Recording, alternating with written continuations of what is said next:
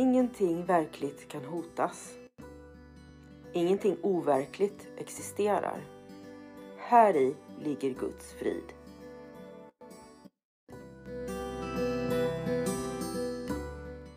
Mitt namn är Magdalena Wiklund och den här podden handlar om hur jag fann frid.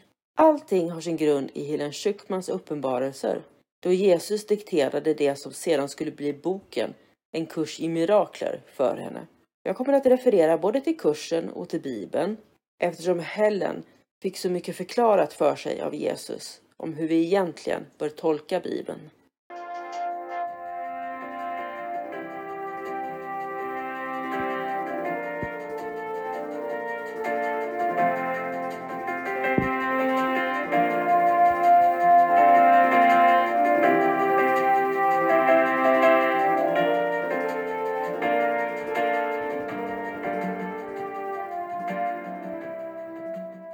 Lektion 12.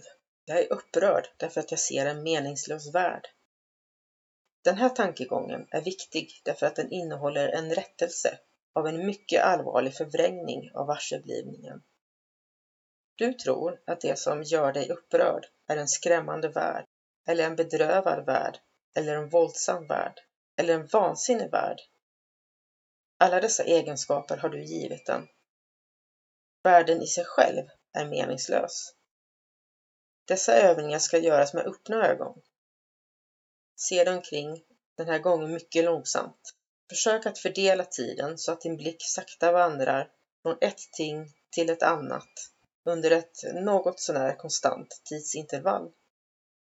Tillåt inte att tiden innan din blick vandrar vidare till märkbart längre eller kortare, utan försök istället att hålla ett avvägt, jämnt tempo hela tiden. Vad du ser spelar ingen roll. Du lär dig själv detta när du ägnar allt som din blick faller på samma uppmärksamhet och lika mycket tid. Detta är ett första steg i att lära dig att ge dem alla samma värde.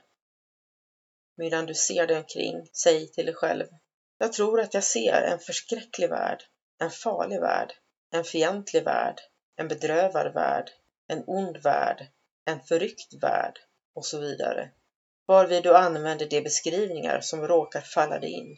Om ord som tycks vara positiva snarare än negativa kommer för dig, inkludera dem. Du kan till exempel komma att tänka på en god värld eller en tillfredsställande värld.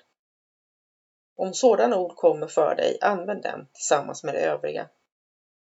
Du kanske ännu inte förstår varför dessa positiva adjektiv hör hemma i dessa övningar, men kom ihåg att en god värld förutsätter en dålig värld och en tillfredsställande värld förutsätter en otillfredsställande värld.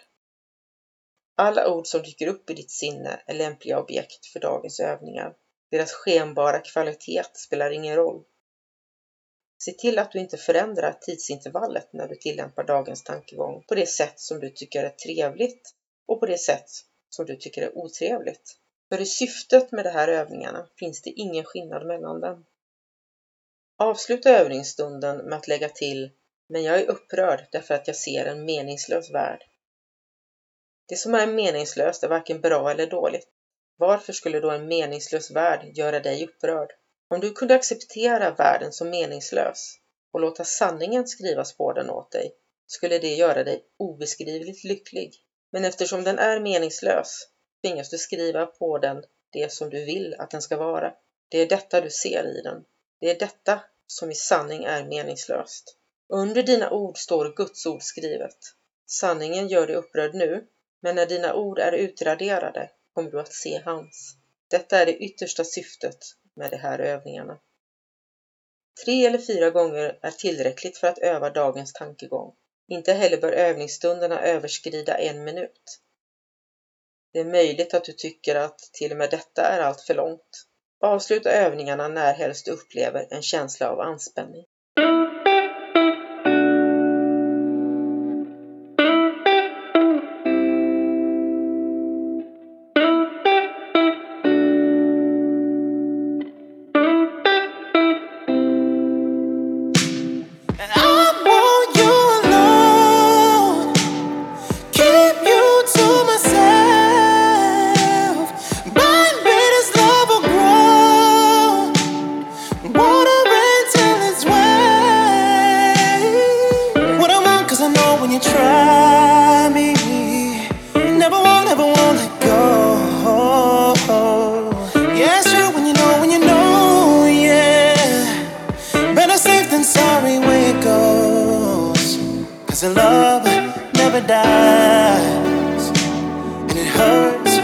every time.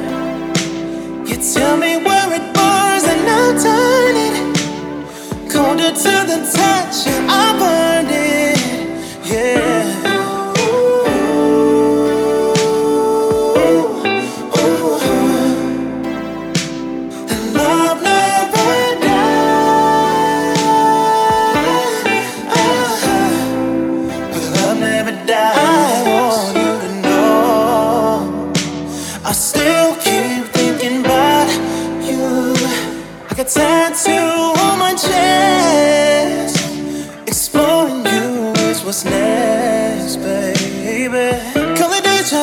remember